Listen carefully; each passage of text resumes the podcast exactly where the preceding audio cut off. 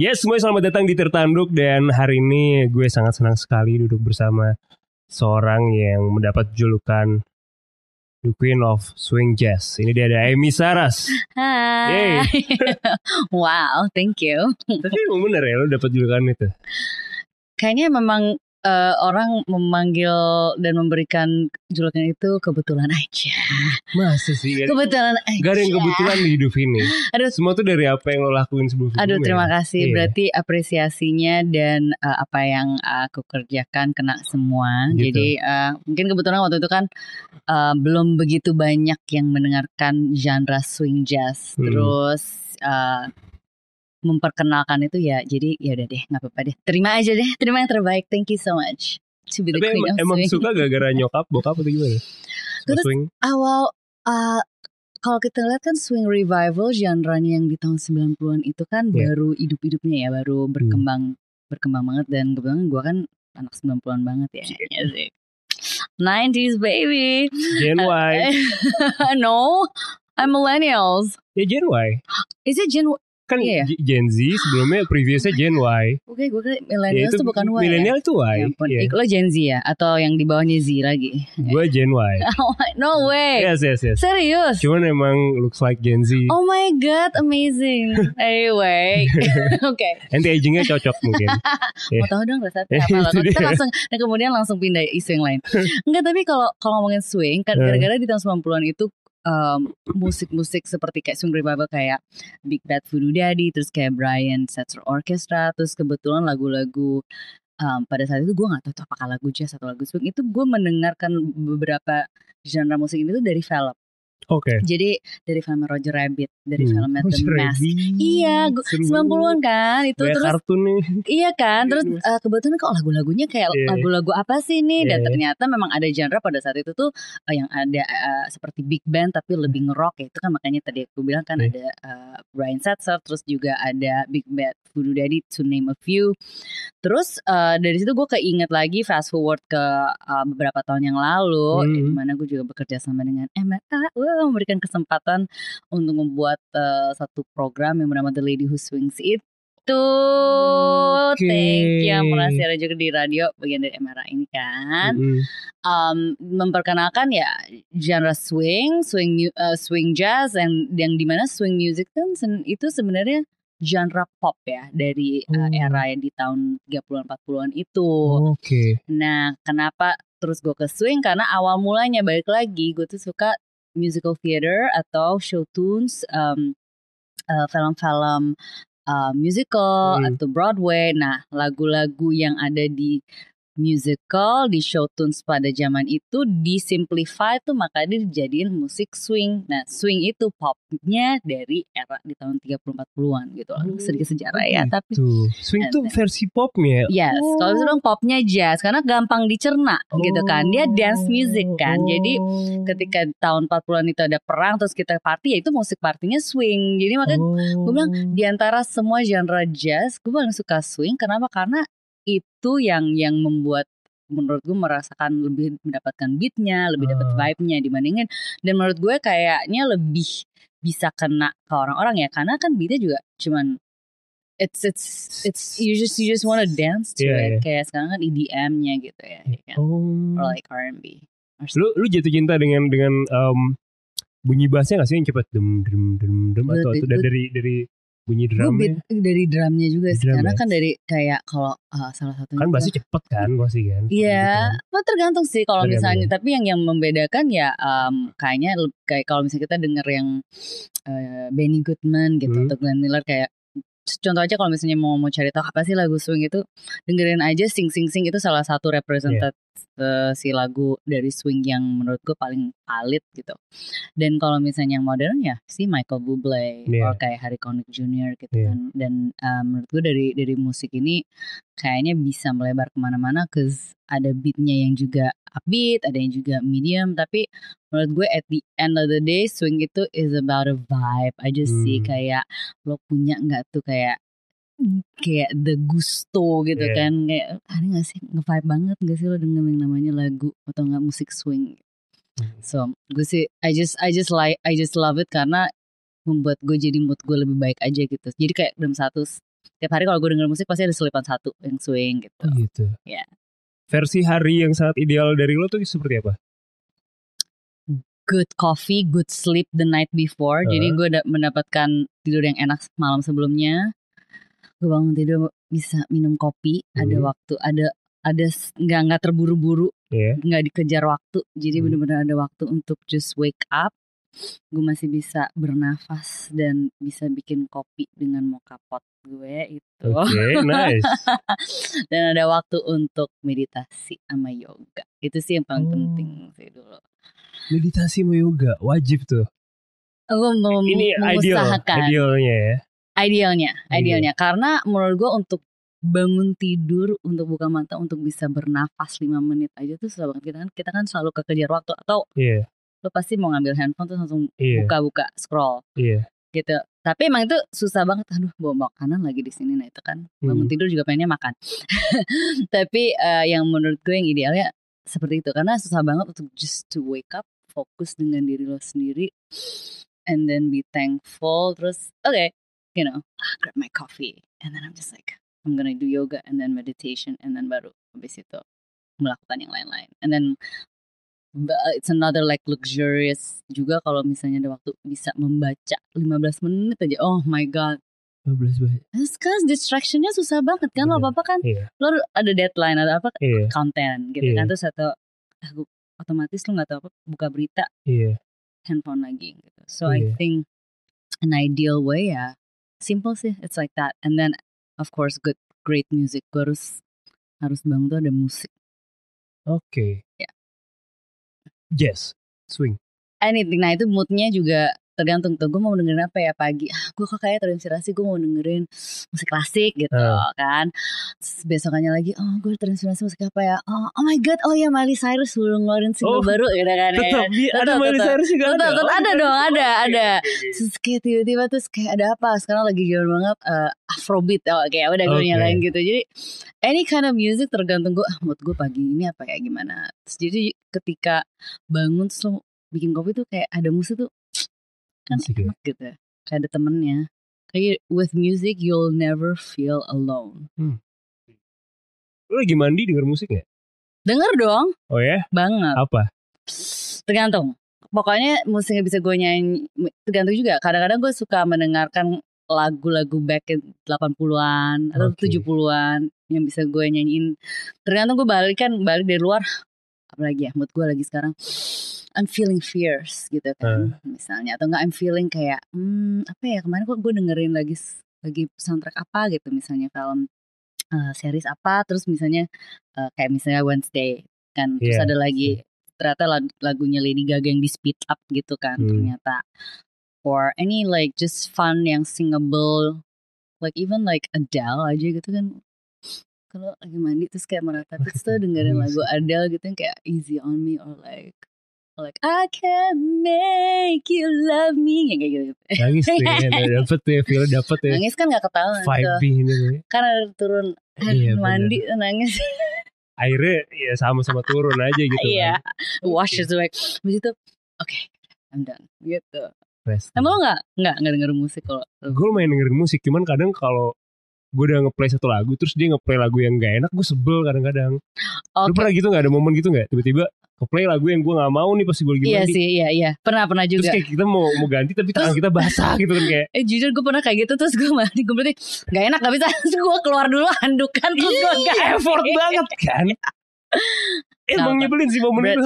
berarti kita harus masang teknologi eh, switch the song gitu kan Alexa atau iya apa iya gitu. bener cuman kan ada bunyi rintikan shower juga mungkin kayak atau Iya. mungkin menggema di toilet makanya Gua- kan gua atau enggak ya kalau misalnya ada pasang aja musik di dalam kamar mandi and just like change the music next gitu Seru kan sih. gitu kan gue tuh kemarin sempet ngeliat ada ads Iya. jadi tuh di eh, kepala showernya Hmm. bentuk speaker oh ya dia tuh anti air tuh mantep banget hmm. kayak terus dia ada Hmm. lampu-lampunya gitu jadi kayak wow ini kayak ini ini ideal banget nih buat gue mandi itu kayak gue Gua buat tahu kita tuh. mungkin kayak itu mantep banget sih Oke device-nya oke kalau go renov berarti itu udah Iya. ide. Aduh, see this is what I love meeting people.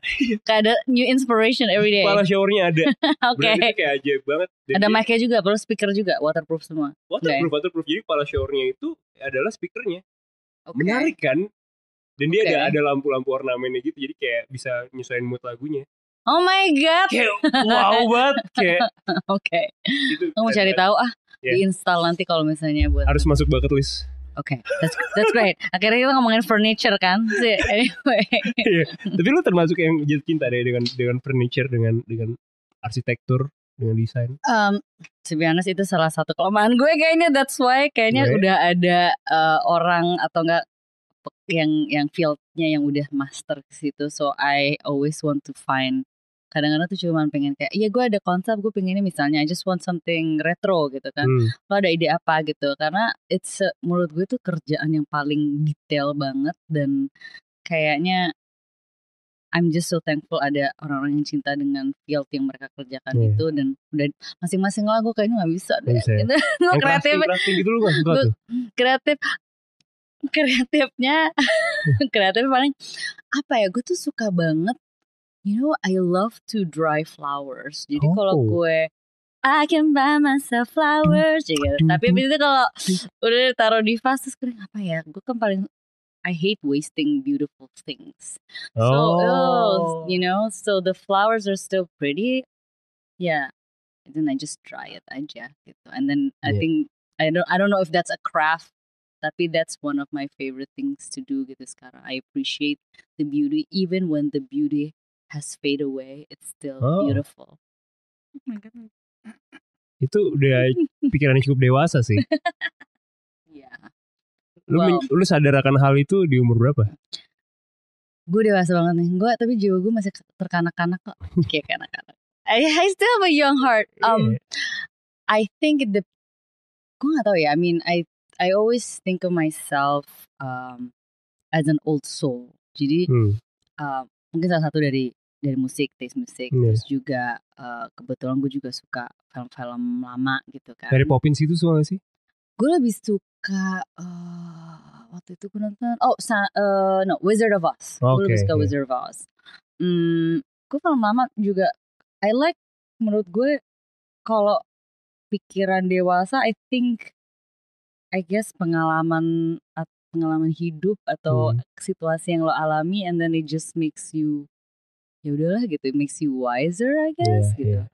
um, dan me- sering menghadapi dan akhirnya pun oh oke ternyata pengalaman-pengalaman baik dan buruk itu memang membuahkan apa ya untuk kita bisa grow lagi Iya. untuk bisa bertumbuh lebih jadi makasih loh itu karena ada beberapa yang bilang ada yang bilang lu tuh pikirannya gak pernah dewasa karena it's it seems like I'm very like so happy all the time kayak ah whatever gitu kan Iya. tapi um, tergantung siapa yang ngajak ngobrol pasti bisa ngeliat sisi itu makasih loh makasih juga loh. Masa loh ya Gue kira-kira pikiran gue dewasa banget deh Dari awalnya obrolan playlist mandi. Dari bahas mandi furniture loh kok jadi kayak makanya. Philosophical banget gitu kan Berat gitu Deep deep deep banget Gede, gede banget. Kalau ngomongin warna, lu paling suka warna apa? Menurut Dari I don't know, yang vibrant sih kayak mungkin um, yellow. Close Red is always my favorite Oh, oke. Red and black Oh, kenapa? Red Berani aja Oke, Black netral bukan Megawati ya, sorry. sorry, kader PDI, sorry banget. Sorry. Kuning hijau juga Jadi politik Merah Aku suka sih merah Eh, hitam kalau hitam kan natural aja kan maksudnya dan not surprisingly ada I know some people yang gak cannot wear nggak bagus gitu kalau pakai hitam kan biasanya hitam kan semua netral ya iya, iya, iya, iya. tapi ada orang yang bisa yang nggak cocok loh pakai hitam Oh ya? it's very weird gue pernah Apa orang yang kulitnya hitam juga? enggak Enggak. enggak juga gitu jadi memang aura kita untuk pakai hitam itu juga nggak semua bisa loh Oh. warna-warna monokrom itu not everyone can can pull it off menurut gue. Jadi kan when they say oh when in doubt wear black gitu kan. Uh. Tapi ada ada gue ternyata be- mengenal beberapa yang kayak nggak pernah kalau pakai itu tuh nggak. Jadi the warna paling gelap tuh misalnya biru tua gitu. Tapi harus ada Oh. warna. Oh. Jadi ada yang bisa ada yang enggak gitu. Jadi Oh. menurut gue hitam itu juga warna yang tricky menurut gue. bisa pakai warna hitam, bisa pull off atau enggak? Eh, nggak tahu sih coba lihat Instagram gue Yeah. ini Saras langsung itu kan Bener-bener. gue suka sih tapi gue suka favorit gue hitam sama merah sih itu dua itu kalau eh, yang lain emang tapi sekarang gue lebih mengkombinasi warna-warna lain sih Oke oke. jadi I'm, I like patterns gitu Hmm. gue kayaknya kalau ngeliat lo hitam terus ya Iya. keren sih keren Tapi Keren gue gue gue terpancarkan gak nih aura gue? aura hitam ya asal Aman. auranya nggak hitam jelek Oh, hitam tapi auranya keluar Tapi dari aman ya berarti ya. keren keren Oke, Nah, very nice. me well ya. very 90s Thank you so much. Appreciate it. Oke, ngomongin tentang em, lu jadi pengisi soundtrack di Pengabdi Mhm. Setan gitu Mhm. kemarin. Em, gimana ya cara dapetin inspirasinya? Apakah lu nonton dulu teaser-teaser filmnya atau gimana? kalau soundtrack gue berterima kasih banget diajakin dan Hmm. dipercayakan untuk mengisi eh, lagu-lagu film Pengabdi Setan 1 dan 2 Hmm. Um, awal mulanya kan dari a copy of uh, My Mind Hmm. Um, jadi kalau mengisi soundtrack itu sebenarnya dari sutradaranya kemudian dari tim musiknya yang ngebrief Oke. um, dan itu bermain karakter vokalnya sesuai yang diinginkan untuk film tersebut jadi Oh. um, itu adalah satu tantangannya karena kan um, cocoknya lagunya vibe-nya atau mood-nya begini suaranya musiknya untuk hmm. film pengabdi gitu Hmm.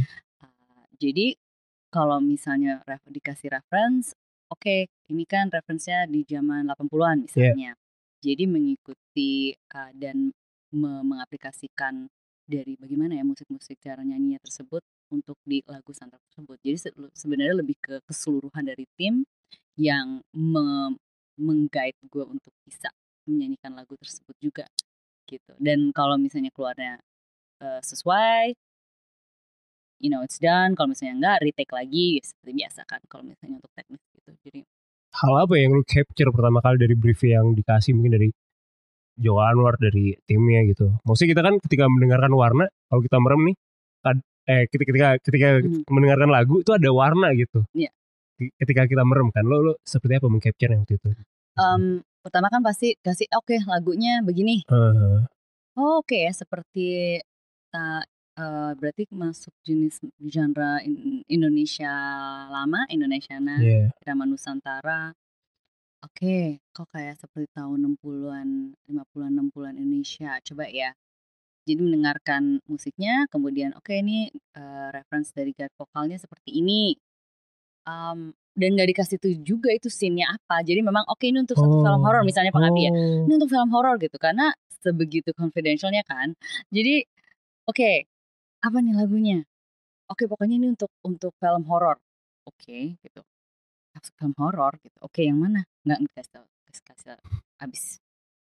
Habis itu ya dan ketika itu ya udah rekaman aja dan biasanya kalau misalnya itu gue matiin lampunya sih kalau rekaman Oh, mati lampu. Ya. selalu biar dapet again it's like it's all about the mood and then bisa merasakan musiknya the sound jadi um, jadi sih ya I mean ya agak deg-degan karena kan pas udah di kepala film horror gitu tapi nggak Iya. tahu sini apa kayak deg-deg ya udah deh nyanyi aja deh biasa ya udah and then ternyata ditaruh sini yang scene yang oh my god Iya, ya, iya, iya. gitu kan Kayak blend in banget sih menurut aku. Kamu gimana pas ngeliat? gue tutup mata jujur gue pertama kali nonton semua film itu pasti ada ngintip-ngintip tutup mata jadi Lu gak suka horor aslinya? nggak Oh. nggak suka nggak suka horor Oke. apalagi horor Indonesia oh my god Bad trip Gila. banget tuh ya.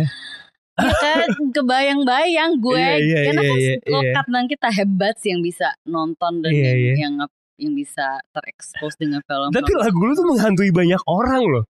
gue nggak padahal Akhir- gue nggak merasakan seram loh padahal cuman cuman cute oke film horor Eh, bahkan kayaknya kalau nggak salah kayak kalau gue lupa lupa inget sih apakah dikasih tau film horor apa enggak tuh gue lupa deh Oke. pokoknya buat film gitu seingat gue tuh itu deh karena udah lama banget kan itu Heeh. pokoknya gue inget take-nya pas belum puasa aja habis buka gitu. jadi Oke. mungkin masih setannya masih di ini di Masih guys kerangkeng semua ya, jadi ya. belum gitu Oke. kebetulan aja Kebetulan ya. serem suaranya cuman Iya. I think itu ke kehebatan dari tim uh, soundtrack musik dan juga overall uh, produksi film dan juga sutradara tahu penempatan musiknya di scene yang mana gitu. Hmm. sehingga akan akan menempel dan kebetulan Iya. scene-nya cocok lagunya pas banget di scene tersebut Iya. gitu dan dan terima kasih banget itu luar biasa banget reaksinya juga apa ketika mereka semua pada ngetek ngasih tahu yang mana sih oh, oh ternyata sini tuh lagu Gila ya.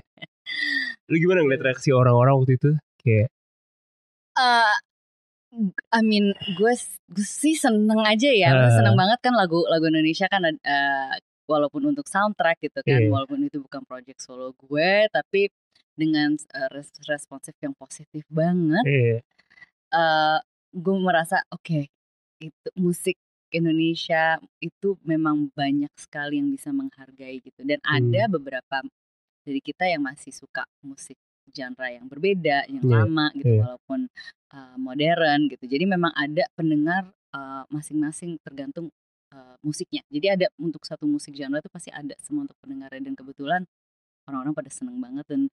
Gila banget setiap ada ngetek ya ampun aku buat skripsi yang paling seneng sih karena suka buat skripsi lagunya Demi kak apa? gitu iya terus lulus kan senang ya jadi oh ya gue gue senang jadi oke gue nyanyi tuh bukan hanya untuk nyanyi tapi memang or- akhirnya kena juga menginspirasi orang dan gue senang kan Iya, akhirnya iya. dan uh, untuk mereka yang pengen mendengarkan musik seperti genre yang berbeda yang menurut orang ini apaan sih genre tua banget dan ternyata oh, oke gue ada ada wadah untuk bisa mendengarkan musik seperti ini gitu Iya, jadi gue seneng sih responsif seneng sih. ini res- responnya positif banget jadi sampai sekarang juga masih suka ngetek kalau yang di TikTok gitu suka masih ada suka ngetek juga Gitu-gitu ya. Nah, tapi kalau kayak tadi kan lu untuk eh, rekaman yang lagu itu Mhm. mati lampunya semuanya. Untuk yang single Lara mati lampu juga nggak? Kan ini bukan horor nih. mati lampu juga Sama? Iya. Supaya apa? Supaya dapat sedihnya. Dapat apanya? gue terus kalau kalau gelap tuh kayak kayak lo kalau kalau mau tidur gitu loh Lu tidur harus tenang mati aja. lampu. harus Oh kenapa? kalau menurut eh, scientific research ya gitu, Hmm. katanya selalu lebih baik dimatikan lampunya Hmm. tapi gue masih suka lampu ada lampu dikit tapi gelap jadi misalnya tapi ada sinar dikit misalnya dari kayak lampu kecil banget gitu Oke. tapi nggak completely pitch dark Kalau completely dark, dark dark kayaknya gue nggak bisa deh oh, kenapa? itu kayaknya gue ada ada ada cerita tersendiri kayak Iya takutnya kalau kenapa-kenapa gue kebangun gitu terus kayak gelap banget. Oh iya iya oke. Jadi hmm, tapi kalau waktu kalau rekaman kan pasti kan ada lampu sedikit Iya, kan iya. dari lampu dari eh, monitornya apa eh, dari studionya pasti ada lampu. Jadi em, kebetulan kan kalau lagu Lara itu kan juga pengalaman pribadi juga. Jadi Hmm. em, kalau lampunya dimatiin waktu itu semua sih semua lagu kalau rekaman sih gue lebih suka dimatikan lampunya. Em, jadi gue bisa kayak gue mer- gue lebih suka merasa gitu. Kalau misalnya terang gitu kan kita melihat apa yang di sekitarnya. Jadi Hmm. uh, imajinasinya tuh juga lebih tinggi gitu lebih lebih luas Hmm. karena lo bisa mengimajinasi, mengimajinasikan diri lo di suatu tempat yang lain ketika lo misalnya mm, recording atau rekaman lagu tersebut dan untuk Clara sendiri ini kan uh, fresh banget di awal tahun gue melalui beberapa situasi dan um, gue selalu merasa setiap ada problem atau isu kok gue merasa sendiri banget ya. Gimana caranya gue bisa bercerita dan berbagi perasaan gue cerita gue dan relate ke orang gitu apakah gue bisa know, membagi perasaan ini karena ke orang-orang ke pendengarnya? Um, mudah-mudahan untuk yang mendengarkan pun juga merasakan yang sebaliknya bahwa mereka tidak merasa sendiri ketika ada problem. Dan ketika kita menghadapi lara itu tidak akan merasakan itu untuk selamanya tapi juga sementara kemudian kamu akan men- mendapatkan kebahagiaan itu lagi. Tapi lara itu adalah bagian dari perasaan dan emosi kita. Dan Hmm. ketika kita merasakan apa yang kita rasain tuh ternyata nggak boleh dipendam. Jadi gue ngerasa kayak oke gue lampiaskan ke lagu ini. Dan ketika gue menyanyikan lagu ini mendapatkan oh my god tantangan yang di mana gue nangis berapa kali gue gue mau keras nangis lagi Kenapa lu nangis kenapa? I think selain dari pengalaman pribadi dari lagu Lara yang juga ditulis oleh Adhika Rafardi juga ini um, dimana- Syarot tadi Kara. Iya, dia menginterpretasikan cerita gue dengan oh God, amazingly. Karena ini kar- karya yang berbeda, terus gue mengeluarkan karya lagi setelah berapa tahun gue nggak mengeluarkan karya. Jadi antara kayak sedih terharu, tapi juga semua yang mungkin selama ini emosi gue, perasaan gue terpendam ini keluarkan. Oh my God, kayak menyanyikan lepas, bebas yang tanpa ada judgement tanpa ada udah ini tentang diri lo. Dan gue merasa kayak oke apakah gue udah siap nih untuk untuk be vulnerable?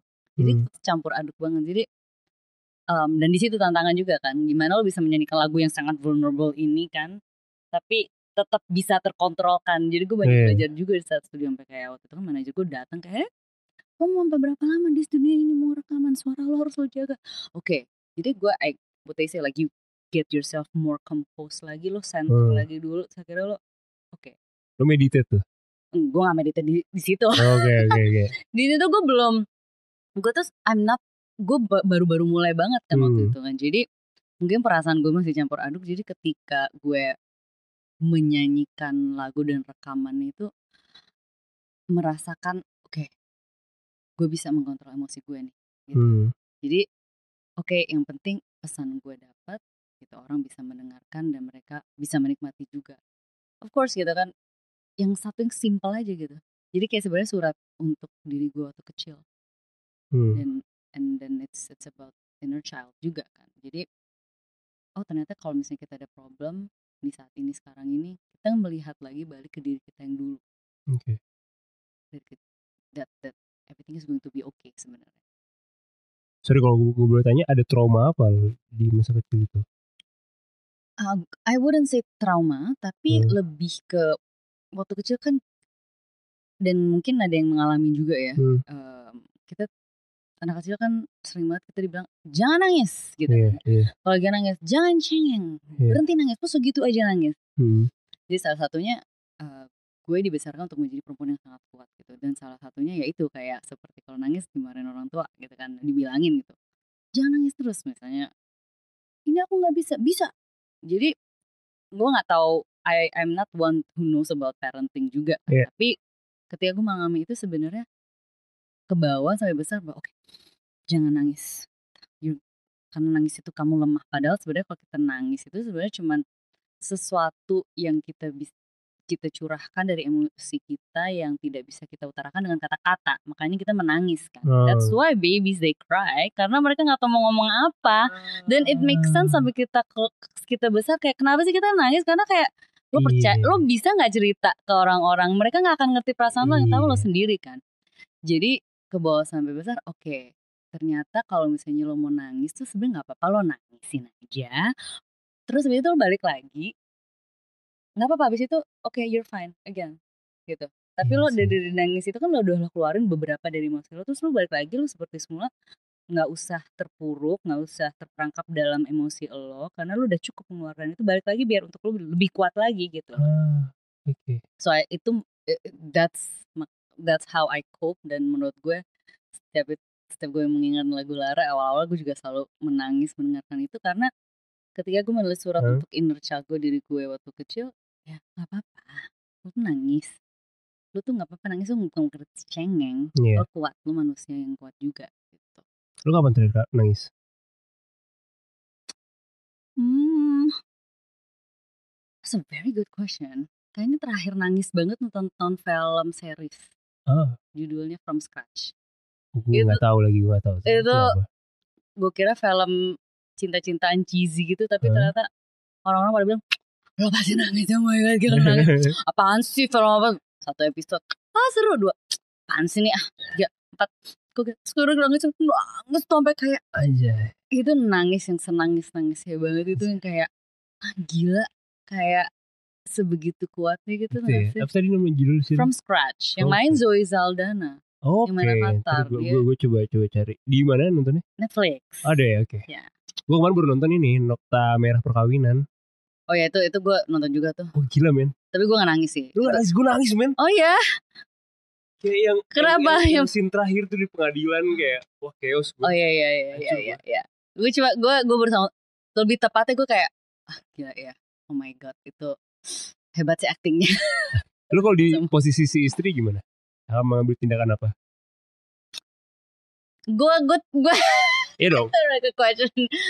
Gue hmm kayaknya gue tipe karakter yang tidak bisa memaafkan sih. Berarti itu akan jadi cerai tuh di pengadilan lo beneran tuh. Ikut di- tinggal lah ngapain? Oke. Oh. Ya people make mistake, tapi kenapa lo kenapa buat Tapi sekali secara teknis dia tidak selingkuh kan? Nek lo ada godaan kayak gitu lo ada orang di rumah terus lo mau nanggepin. Menurut iya, lo gimana? Benar, benar, benar. Tapi ya terserah. Tapi kan kita Iya. manusia kan. Iya, iya. Tapi maksudnya kenapa lo nggak open? Kalau Ah, iya misalnya itu nggak apa. kalau lo I think I think in a Iya. relationship ada yang ketawa tadi kok di situ ya. In a relationship you have to be open to with each other. Itu satu. Hmm. We're human. Kita pasti ada attraction satu sama lain. Lo pacaran gitu kan lo married pasti kayak lo pasti kan lo ber- berapa tahun sih lo sama with the pasangan tuh pasti kan lo ngeliat kita namanya manusia punya mata kan. Iya, iya, iya. We have attraction nggak nggak cuma cowok kan dia say ah cowok gitu. Ini kebetulan dari sisi cowoknya. Tapi buat like buat buat cewek juga gitu juga kan lo ngeliat cowok juga kayak oh my god yang kayak ganti sekarang badannya oh my god like Jacob Lecordi hello hey Tinggi lagi dia kan. oh my god. Terus um, so I think pertama sih itu Hmm. kayak uh, we have I think we have to be open with each other gitu. Lo ada rasa attraction dan paling utama ya balik lagi lo harus punya rasa hmm, confidence self love sehingga lo nggak insecure bahwa itu cuma attraction Oke. jadi kalau kadang kan kita cemburu uh, antara insecure ego dan takut kehilangan Iya. gitu pasti ada Oh menarik. Iya. Insecure, ego takut kehilangan. Iya. Itu kita cemburu. Iya, Oke. salah satu dari itu Baik. kalau gue sih ego sih I'm gonna be very open ya itu direkam nih langsung hey, ya kan? oh nggak ada yang itu ngecek handphone terus habis itu maksudnya jadi um, dan ketika gue kok nggak suka yang ngerasain rasa ini gitu I don't ya lo bilang aja Hmm. kenapa gitu karena ya lo sama gue gitu kan kenapa lo me- merasa lo drawn to that person gitu kan Hmm.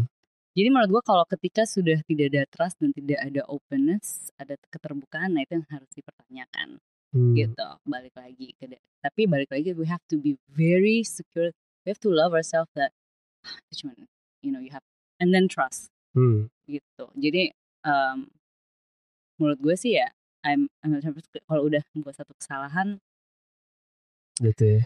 Nggak. Red flag. Oke antara red flag eh, di, di situ di film itu. Nggak bisa gue Gak bisa maksud gue kayak berarti lo kayaknya lo yang memberikan kesempatan lagi ya kalau misalnya lo ya second chance ya you believe in Wah, Iya, gue iya. bingung banget karena gue ngeliat dari si Bagasnya itu kan, Iya. si anaknya itu loh perspektif Bagas. Gue enggak sih kayaknya mungkin juga sama kayak lo. iya kan Karena mu- mungkin akan kambuh lagi eh, itu ke depannya. Gue mikir gitu ya. That's true Karena kita nggak bisa ngerubah orang gak sih? betul Gue ngerasa gitu ya. itu satu hal nggak akan pernah bisa ngerubah sifat orang jadi Iya. you have to accept it and then talk about it a lot kenapa lo begini gitu jadi kenapa dan itu sesuatu yang harus lo nyaman untuk bisa bicarakan dengan pasangan lo gitu you Iya. have to be very very comfortable with your partner to talk everything openly Setuju. dan kalau misalnya dan itu kan bagian dari being vulnerable. Iya. Nah kalau misalnya tidak bisa menghadapi vulnerability atau kerentanan tersebut, berarti that pasangan itu ya bukan buat lo, atau enggak ya enggak enggak se sefrekuensi Hmm.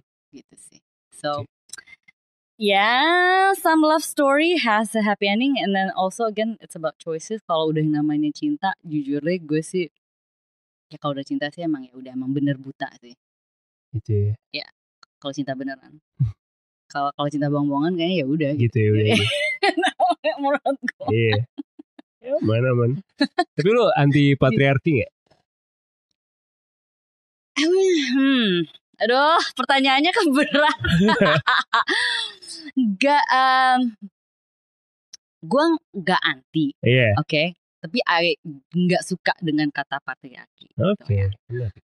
But gue suka yang namanya masculine energy, feminine energy.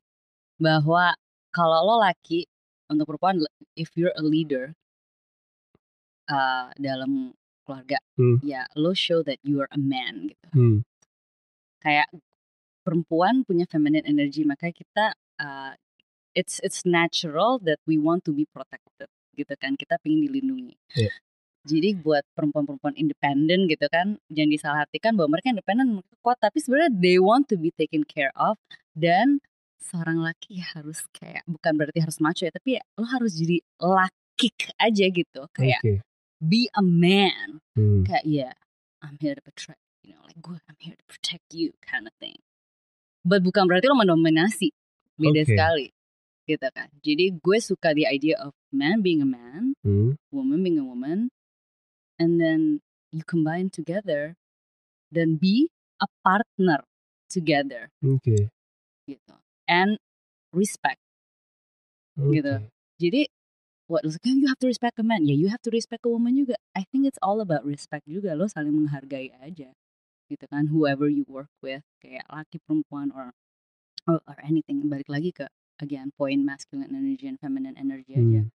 Gitu. So I think kalau misalnya gue harus kayak patriarki kayak gini laki sama perempuan oh, harus harus melayani lakinya banget Iya, iya. gitu. Dude lo ngelayanin balik perempuannya juga kalau nggak ngelayanin terus kita harus ngelayanin lo gitu Iya. kan. So I think harus sama-sama aja sih menurut gue Sama ya. at the end is sama-sama gitu. Like I said equality between perempuan dan laki itu maksudnya itu. Like, so I don't I don't believe in anti-patriarchy. I don't believe in feminism. I don't believe in that. I believe in just respecting each other and then having and working together as human being.